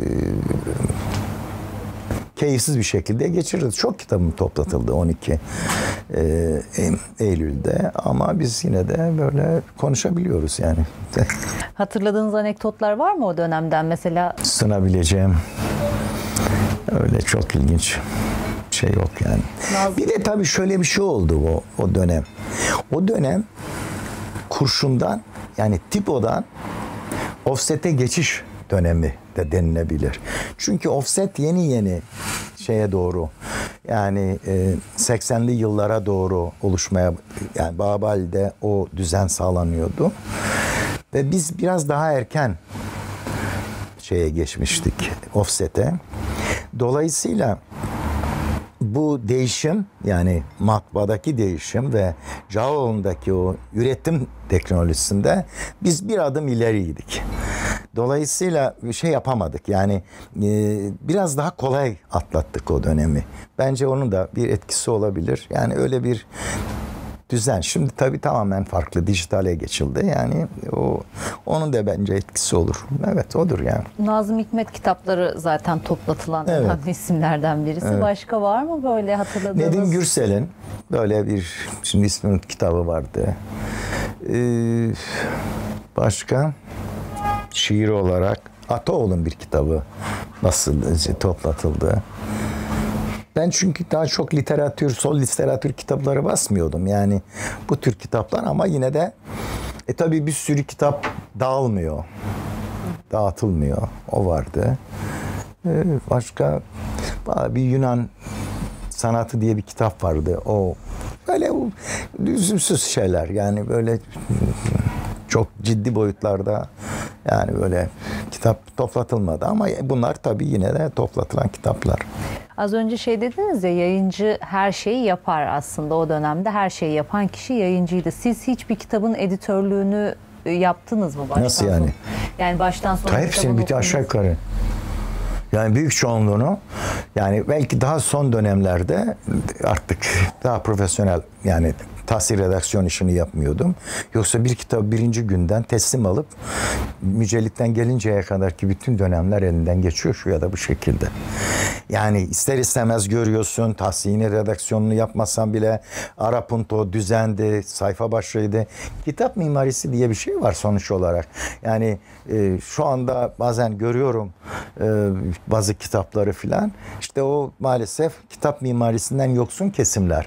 Yani bölünmüş. Herkes kendi görevini yapmış ama başında o mimariyi düzenleyen, tasarlayan o eski ustalar ya da eski yayıncı yok. Onun için çok keyifsiz kitaplar görüyorum ortalıkta.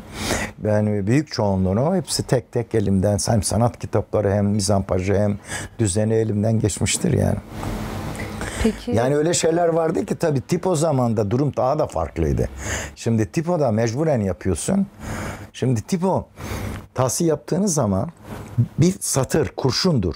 Eğer o kurşunu iki harf fazla yazarsanız aşağıya kadar dizilmesi gerekiyor. Yani bu kadar santimse o kurşun o kadar değişiklik yapmanız lazım. E yoksa hepsini yeniden dizmek zorunda. E o kurşunlar dediğin 16 tane satırdır. Etrafı iple bağlanmış. Çözülüyor. O kurşun diziliyor, araya konuyor. Atılıyor potaya, eritiliyor. Ya bak onunla ilgili ben size bir tane şey anla, anekdot anlatayım. Demirciler Çarşı cinayeti. Yıl 1974 belki 75 vallahi işte 74. Refik Durbaş tahsil redaksiyonunu yapıyor kitabın. Yaşar Kemal'in Demirciler Çarşısı Cinayeti. Kitap çıktı. Yaşar abi köpürdü. Yaşar abi ne oldu? Daha ne olacak? Bağırmalar, çağırmalar filan falan. Refik Bey de yani Refik Durbaş da şair. Bizim çok Cumhuriyet Gazetesi'nde çalışıyor. Cumhuriyet'in e, müsahiyi yani şey, disiplinli bir adam yani. O zamanlar çok disiplinliydi. Yani insanlar tahsil redaksiyon yapanlar filan. Ne oldu? Ben nerede dedi ya? Bu bölümün altı yok. Şimdi belli bölümlerin altında o güzel insanlar o güzel atlara biner o giderlerdi filan diye böyle bir Yaşar Kemal'in şeyi var. Şimdi o bölümün sonunda o yok. Yok gerçekten. Ta- tahsil provalara filan baktık. Provalarda var. Ama son baskıda onun için dedim ya kitap mücellithaneden geldiği zaman doğum gibidir. Yani nerede ne var, nerede bir hata oldu mu, nasıl bir düzen. Çünkü doğum yapmışsın orada bir başka heyecan yaşarsın aslında. Yani yayıncı orada var aslında. Nasıl yapacağız dedik. Ne yapalım? Yelken matbaası. Erdoğan Bey var. Topal Erdoğan derlerdi şeyle. Neyse Erdoğan Bey. Erdoğan Bey'i çağırdım dedim. Erdoğan Bey gel. Oğuz, Oğuz Bey de var. Oğuz Bey galiba Londra'da ya da bir yerde seyahatte artık son dönemlerde böyle. Yaşar abi var. Ondan sonra Refik de çağırdım. Yani bir şey olması lazım. Demin ilk basımı daha. Geldi, baktı. Ya dedi Yaşar abi dedi ya. Ya dedi yani 3-4 yerde var. Bir yerde olmazsa ne olur? Böyle de iç içeydi ilişkiler, düzenler. Ya Yaşar güldü. Neyse yeni basımda koyduk. Niye? Anlatıyor şimdi gerekçesini. Şimdi 32 tane sayfa kurşun çizgisi olması lazım. Şimdi o o atlara, o güzel atlara bindiler koyarsan eğer 8 sayfa daha yürümesi lazım. Yani çünkü 16 sayfadır bir forma bu kurşun dönemi 16 format çözülecek. Üstelik 8 sayfa bir bölümdür kağıdın. Kağıt katlanırken ona göre yapılıyor. Bir dönem onun için 8 sayfa için uğraşıp ne uğraşacağım demiş adam. O bölümü almış potaya atmış. Birkaç kere tekrar ediyor çünkü aynı. Ha, nasıl olsa var ha. Zaten bir tanesi var. bir tane eksik olsa diğer diğer dördü olmasına gerek yok. Böyle bir düzen yani o kurşun dönemi maalesef. Aslında hem yayıncının hem e, yazarın hem işte E dizicinin beraber iterek yapıyorsun tabii. Şimdi bitti. Şimdi o dönüm yok. Şimdi günlük basında bile gazeteci gazeteye gitmiyor ki zaten. Ondan gönderiyor. Sonra yazısını köşesini görüyor. O zaman şey hareketi de oluşmuyor. Yani birlikte yaşamak, birlikte alışverişte bulunmak, karşılıklı duygu ve coşkuyu sunmak, o duygu ve coşkularda bir şey yaşart o tür şeyler kayboldu maalesef. Yani o sıcaklık da bitmiş oldu. Yani o o da yani onun için edebiyat akımları şu anda mesela 70'ten sonra bir edebiyat akımları, tarihi, tarihçi yok. Çünkü insanlar birlikte bir şey üretmiyor ya da bir alışveriş yok. Şey de bitti. Eleştiri kültürü bitti.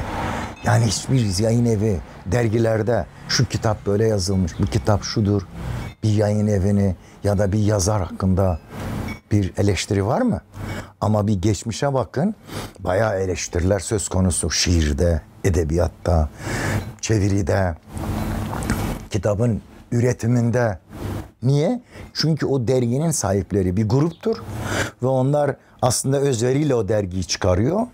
Öyle bir mücadele vererek. Şimdi öyle değil. Şimdi eleştiri kültürü niye yok? Çünkü o gazete ne bağlıdır? O dergi yayıncıdan reklam almak zorunda. Eğer o yayıncı için ya da o yayın evi için böyle bir eleştiri düzeni sağlarsa reklam vermeyecek. E şimdi bunun noktaya gelindi eleştiri kültürü dediğimiz olay kayboldu gitti böylece. Niye? Çünkü yani reklam alamaz yayıncılar diye düşünüyorum. Belki hat, haksızlık yapıyor belki dediğim ama eleştiri kültürünün kaybolması tamamen şeye bağlı. Ee, böyle böylece e, o, o da böyle o dergi ve o düzeni de söylemiş olduk maalesef öyle. Şimdi aslında böyle biraz sivil alandan bahsediyorsunuz. İşte bir e, bölge, burada herkesin bir araya geldiği bir e, alışverişin yapıldığı bir bölgeden bahsediyoruz. İşte 80 sonrası daha profesyonel bir evreye geçiyor. 90 sonrasında da biraz daha böyle e, holdinglerin, şirketlerin ya da işte büyük sermaye sahiplerinin yayıncılığa girmesi diye, yayıncılık alanına girmesi diye bir vaka var. E, burayı nasıl değerlendiriyorsunuz? Yani işte e, bu kadar büyük sermaye sahiplerinin yayıncılığa girmesi, yayıncılığın gidişatı hakkında nasıl bir e, Valla ben ona yaklaşımım şu. Şimdi e, bu ticari bir olaysa eğer geçimini buradan sağlayacak düzenin olması lazım. Şimdi haksız rekabet söz konusu bu olayda. Bu yayın evlerinin büyük çoğunluğu geçimini buradan sağlamıyor. Ama geçimini buradan sağlayan kesimin aslında hakkını yiyor. Ve haksız rekabet söz konusu. Çünkü bir defa kullandığı isim yanlış. Yani banka ismiyle yayıncılık olmaz. Niye? Çünkü dünya kadar reklam yaparsan da o banka ismini kullanmış ya da o firma ismini kullanmış oluyorsun. Poşet bile bassan o poşeti eve sokarsan o firmayı kullanmış oluyorsun aslında. Yani o haksız rekabeti sunmuş oluyorsun. Çünkü bilmem kaç lirayı poşete ya da kitaba para kazanmadan da başkasının evi insana o imajı verdiğin için normal yayın yapan ve yayından geçimini sağlayan yayıncıyla bir haksızlık söz konusu. Bir defa onun olmaması lazım. Bir. İkincisi ben çocuk kitabı yayınlamıyorum ama çocuk kitabı yayınlayan var. Bir milyon kişiye ben karneyi getir kitap veririm diyemez, dememeli. Yani kitapçılığın kendine göre kuralı olması lazım. E şimdi bunlar yayın yapma hakkına sahip. Ama farklı bir isimle, X ismiyle sıfırdan para kazanmak üzere yayıncılık yapmak zorundalar. Yani kapitalist sistem içinde para kazanmadan iş yapmak yok. Suçtur. Yani bir defa çağdaş düzende para kazanmadan bir iş yaparsan bir rekabet düzeni içinde o işi başkası da yapıyorsan sen mecbursun para kazanıp normlara göre ticari normlara göre yürümen. Yasak bir defa ya. Ama bu, bunlar burada yürümüyor maalesef. O anlamda bu tür yayıncılığı ve bu, tür yaklaşım biçimini doğru bulmuyorum. Şu yapılabilir. Yayıncının basamayacağı büyük yani prestij kitap düzeninde tabii ki onları yapmalı ve görevidir de. Doğrusu odur ama Nasrettin Hoca fıkralarını basmak ya da bir takım böyle böyle yayıncının basabileceği kitapları basmak ne yayıncılıktır ne de doğrudur. Doğrusunu isterseniz benim bu konudaki yaklaşım isim vermeden konuşuyoruz ister istemez ama benim yaklaşımım bu. Haksız buluyorum yani. Peki yayıncıların bu tip problemlerini konuştuğu, bir araya geldiği bir mahfil, bir ortam var mı? Bir birlik? Şimdi şimdi şey bu sevimli tabii. Kurultaylar var. Ondan sonra bilmem ne birlikleri var. Ee, kendim pişir kendim ye programı genellikle. Yani kimse bu konuda kanunun olması lazım. Devletin yani kültürün toptan bir yaklaşımı olması lazım bu işe. Yani yoksa ya var. Belki 10 tane birlik var. Bir, bir türlü her kesimin var üstelik. Yani çok ciddi bir şeyleri olsaydı bugüne kadar bir farklı noktaya gelinmiş olurdu. İşte Yayıncılar Birliği galiba iki senede bir bilmem ne sempozyum yapıyor. Filan yerde bilmem ne bir şey yapılıyor. Kültür Bakanlığı da işte bazılarını topluyor. O da bir yerde bir şeyler konuşuyor. Yazılıp çiziliyor. Ama e, şey önemli bu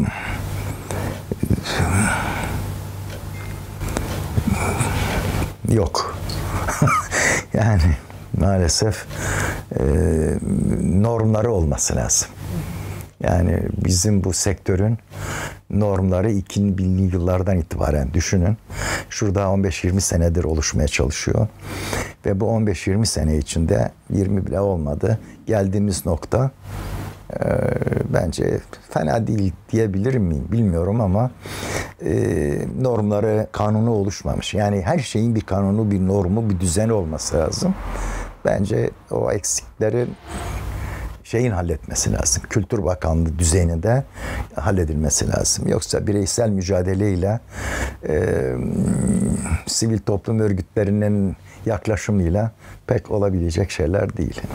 Onun için böyle kurumların e, yayın evleri var. E, onun için dir ki e, sabit bir kitap fiyatı düzeni yok. Onun içindir ki bugün e, dağıtımını yapan ya da e, sanal ortamda e, kitap satan e, birimler e, büyüdükçe e, tekelleştikçe e, küçük yayıncı eziyor. Bana yüzde elliden aşağı almam. Yüzde altmış neredeyse bir sürü kitabı e, maliyetinden aşağı fiyatla e, al, al, alıyor ya da almaya çalışıyor. E, eğer normal olsa, sabit fiyat e, düzeni olsa bütün dünyanın her tarafın büyük gelişmiş ülkelerde bu söz konusu. Belli bir fiyatın altında kitap satamazsın. E şimdi onlar olurdu o zaman. O zaman dağıtım düzenini kuran tekel herkese eşit mesafede bulunur hiç olmazsa. E yok öyle bir olay. Yani yoksa olmayan şey üzerinde ben şimdi ne yani konuşulabilir? Işte Burada ediyorsa... sorumluluk devletin aslında evet, değil mi? Devletin tabii, ilgili tabii, kurumlarının. Tabii ilgili kurum diyecek ki yani bunun şeyi var yani fiyat, şu fiyatın altında satamazsın. Ya da sen tekelleştin, durum yaptın bir, bir, bir düzen olması lazım. Yüzde on beş, yüzde yirmi Yüzde 40 tamam indirim düzeni budur. Şimdi adam orta ölçekli küçük yayın evi iki tane beş tane kitap senede yayınlıyor. O dağıtıcıya verdiği zaman X yayın evinden aldığı indirimden çok farklı bir indirim teklif ediyor. E, halbuki aynı şartlarla üretiyorsun sen bunu. Yani düşünün kağıt ithal aynı düzende. Matbaa aynı. Düzen aynı. Yer ayrı. yani e, başka indirimle ne istiyorsun tabii. O haksızlık yani. Bu, bu maalesef bu düzenin çözülmesi lazım. Yayıncının bence önemli problemlerinden bir tanesi de bu. Peki bu e, problemlere dönük devletin e, bilgilendirilmesine dönük çalışmalar Yok, yani sempozyumlar şeyler yapılıyor. Arada bir devlet şeylerinde de söyleniyor. Aslında ne bileyim birileri yazıp çizip gönderiyor. Hep olacak mı olacak deniliyor. Ama sıra gelmiyor yani. yani Peki sona gelirken Cem yayınlarını Türkiye yayıncılık sektörü içerisinde nasıl bir noktaya e, oturtturursunuz? Yani hani bu kültür hafızasına nasıl bir katkıda bulundu Cem yayınları? Yani şimdi Cem Yayın Evleri, Cem Yayın Evi dönem dönem tabii değişik şeyler de yaptı. E, şu anda bulunduğu durumla geçmiş dönem arasında da çeşitli farklar var. Yani mesela ben yayıncı olarak şunu bir dönem yaşadım ya da yaşatmak istedim. Ee, genç öykü ve şairlere olanak bugünkü ortamda yani geçmiş dönemde de e, olanak tanınmıyor. Niye? Çünkü yani satış şansı sınırlı bilemiyorsun. Dergilerde çıkıyordu eskiden şiirler. Referans alabiliyordun. Diyordun ki işte şu şu şu dergilerde çıkmışsa ön elemeden geçmiştir. O zaman ben bu şiir kitabını basayım diyebilirsin yayıncı olarak. Ya da öykü için aynı şey söz konusu. Çeşitli dergilerde çıkabilir. Çıkmışsa o ilk elemeden geçmiştir. Basabilirim diyebiliyorsun. Şimdi onlar da yok. Biz bir dönem ne yaptık? Dedik ki bu tür şeylere olanak tanıyalım. 80'li yılların sonuna doğru filan. Yani şair ve öykücülere çok şairin kitabını ben böyle bastım. Bir şair tarafından sunulsun. Yani Sunay Hakkı'nı mesela kim sundu? Cemal Süreya sundu galiba filan neyse. Ee, böylece ilk kitaplarını basmış olduk. Böylece yazarla ortaklaşa yani şairle öykücü ise öykü yazarını ile birlikte biz beraber çıkmış olduk. Paylaşmış olduk sorumluluğu. Epey de genç insan o dönemde Cem Yayın Evi'nde kitapları çıktı. Ve bence bir bir iyi bir şeyler de oldu. Sonra akademik kitabevi vardı. Akademik kitabevi Hadi Bey e, ödül veriyordu. Ödül verenlere birinciliklerin kitaplarını basarım diye taahhütte bulundum. Mesela onların da ilk kitaplarını bastım. Bu dönemleri yani yayın evi olarak yaşadık. Yani Cem Yayın Evi bu eski kitapları, eski ünlü yazarları yani bir şey daha söyleyeyim de ünlü yazarların o zaman Yaşar Kemal, Aziz Nesin, Bekir Yıldız filan gibi kitapları 80'li yıllarda basıyordu. Ama Yazarlar Sendikası diye de bir sendika vardı. Şimdi sendika dediğimiz yazarlar sendikası nasıl olacak dedim Aziz Bey. Yani sendika kime karşı, hangi patrona karşı ne hak? Ben bir öneride bulunayım dedim. Cem Yayın Evi olarak siz kitaplarınızı hangi yayın evine, Yaşar Kemal hangi kitaplarını hangi yayın evine ya da filanca ünlü yazar kitaplarını hangi yere veriyorsa sizin üyelerinizde genç yazarın da bir kitabını basma hakkı olsun. Sendika dediğin odur dedim yani. Hiç tutmadı. E o zaman hiç olmazsa kitabı basılmayan genç bir şair, genç bir öykücünün kitabı da o yayın evi basmış olsun. Sendika diyorsun madem ki daldan dala atlıyorum ama. Şimdi yayın evi bu tür görevleri üstlenebilen bir cem yayın evi 80'li 90'lı yıllarda götürdü. Fakat demin de sözünü ettiğimiz gibi holdinglerin ya da belli bir siyasal düşüncenin arkasında olduğu ya da banka türü şeyleriyle yayıncılık sektörü bizim düşündüğümüz o yayıncı tipi de değişti. Yayıncılık sektörü de başka bir noktaya geldi. Dolayısıyla bugün şu anda o düzeni yürütebilecek yayın evi yok. Yani Cem Yayın Evi'nin bir geçmişte öyle bir görevi ve düzeni oldu.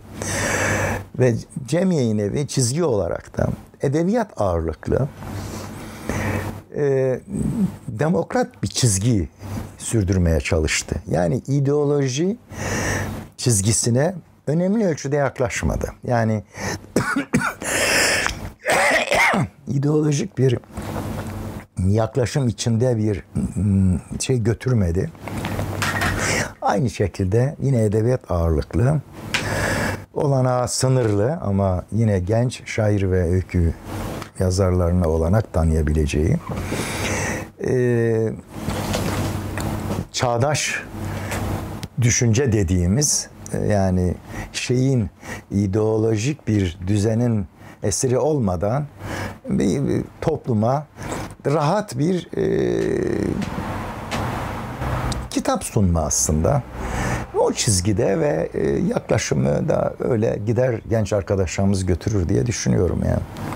Son bir şey merak ediyorum. Estağfurullah. Bu işte yeni e, yazarlar, yeni öykücüler ya da şiir e, yazanların e, kitaplarını basıyoruz dediniz. Basıyorduk 80'li 90'lı yıllarda ama böyle bir yolla. Ha ha. e, o dönem böyle ya bu kitap acaba satar mı satmaz mı diye Yok. böyle tedirgin Maalesef her olduğunuzda- sene belli bir bölümde yazar yani diyelim 10 tane öykü ya da 10, 10 tane şiir basacaksam öykücüler ve şairler de ortak benimle birlikte ya da birincilik vermiş akademik kitap evi ödülleri gibi biz oradan para kazanırız diye düşünmüyorduk. Ama yeni insan kazanırız diye düşünüyorduk ve her halükarda ilk elemeden geçmiş de oluyor bunlar. Yani ya dergide şiirleri çıkmış ya bir şair sunuyorsa ya sunma şuydu. Ya arka kapak yazısı ya da ön sözünde sunuyordu bana. O zaman ben Cem Yayın Evi olarak e çünkü hem oyun hem öykü hem şiir her şeyi bilmek ya da değerlendirmek de bir kolay bir iş değil ve doğru da değil. O zaman o şairle birlikte topluma çıkıyorduk biz. Toplumun karşı, okurun karşısına çıktığımız zaman ve bir, bir bir şairle birlikte çıkıyoruz. Bir şi- şiiri tan ya şairi tanıtırken e, satıyordu da. Çünkü sonuç olarak e, bir referans da söz konusu. Yeni de bir insan. Onların çoğu iyi şairler de oldu.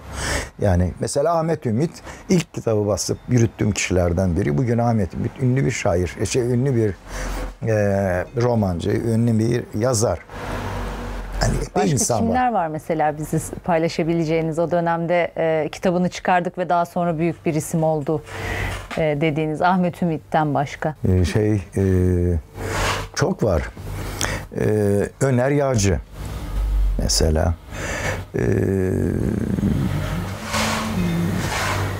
Suna Yakın. Ee, Valla işte unutuyoruz bazı şeyleri. Çok insan var yani. Epey epey bir bugün yazar, şair, e, roman, öykücü olarak yürüyen epey bir e, ilk kitabını bastığım. Cem Yayınları bunlar için ilk- bir zemin ilk- oldu diyorsunuz İlk yani. kitaplarını bastığım epey insan var evet. evet. Peki. Ee, çok teşekkür ederiz Mehmet Ali Bey. Ee, Cem Yayınları'nın hikayesini biraz sizin de kendi anılarınız üzerinden dinledik. Ee, var mı söyleyeceğiniz son bir şey? Son ve sonu çok sevmem. Süreçte belki ileride bir düzen olur bilmiyorum son. Ben teşekkür ediyorum.